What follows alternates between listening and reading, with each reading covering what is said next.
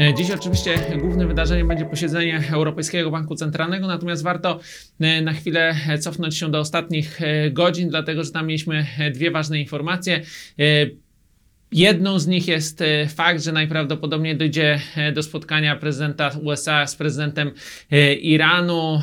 To odwołanie Boltona jest sygnałem do tego, że to ocieplenie e, stosunków na linii e, Waszyngton-Teheran jest e, możliwe. Ono nie jest chyba na razie scenariuszem bazowym, natomiast jest możliwe. Drugą ciekawą informacją był fakt, że Stany Zjednoczone przesuwają wprowadzenie części ceł na chińskie towary z 1 e, października o e, dwa e, tygodnie. To taki gest dobrej woli e, przed e, świętowaniem przez e, Chiny proklamacji Chińskiej Republiki e, Ludowej. E, Także widać, że również na e, tym, e, e, w tym, w tym kontekście jakieś ocieplenie e, stosunków e, następuje tym razem na linii Waszyngton-Pekin. Natomiast w kontekście rynku e, walutowego te informacje nie są aż tak e, ważne. Z jednej strony lepsza e, koniunktura e,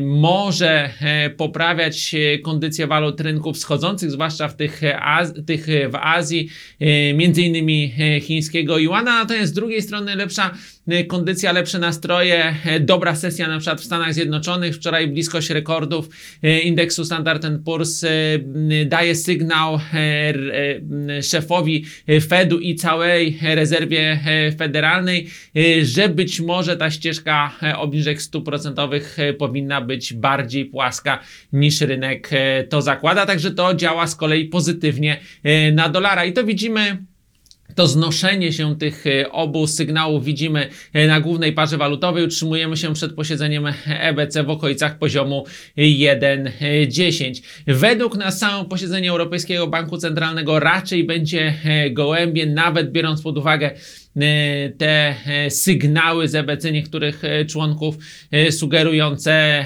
brak wprowadzenia czy brak konieczności wprowadzenia luzowania ilościowego, brak konieczności takiego silnego łagodzenia polityki pieniężnej. Według nas jednak Draghi przekona Radę Gubernatorów, prze- przekona gremium EBC do tego, żeby to działanie było względnie silne w tym pierwszym uderzeniu, natomiast później już pod przewodnictwem Christine Lagarde natomiast większy nacisk e, będzie e, stawiany na e, reformy fiskalne, stymulację fiskalną tych krajów, które mają przestrzeń do stymulacji fiskalnej. Także według nas, tak jak mówię, raczej, raczej ten dzisiejszy sygnał będzie negatywny dla euro. Natomiast co to znaczy dla rynku złotego? Raczej to oznacza, że euro złoty będzie nieco niżej, natomiast inne pary walutowe, frank, dolar, prawdopodobnie będą wyżej, jeżeli ten nasz scenariusz bazowy dotyczący e, Europejskiego Banku Centralnego e, ulegnie e, realizacji.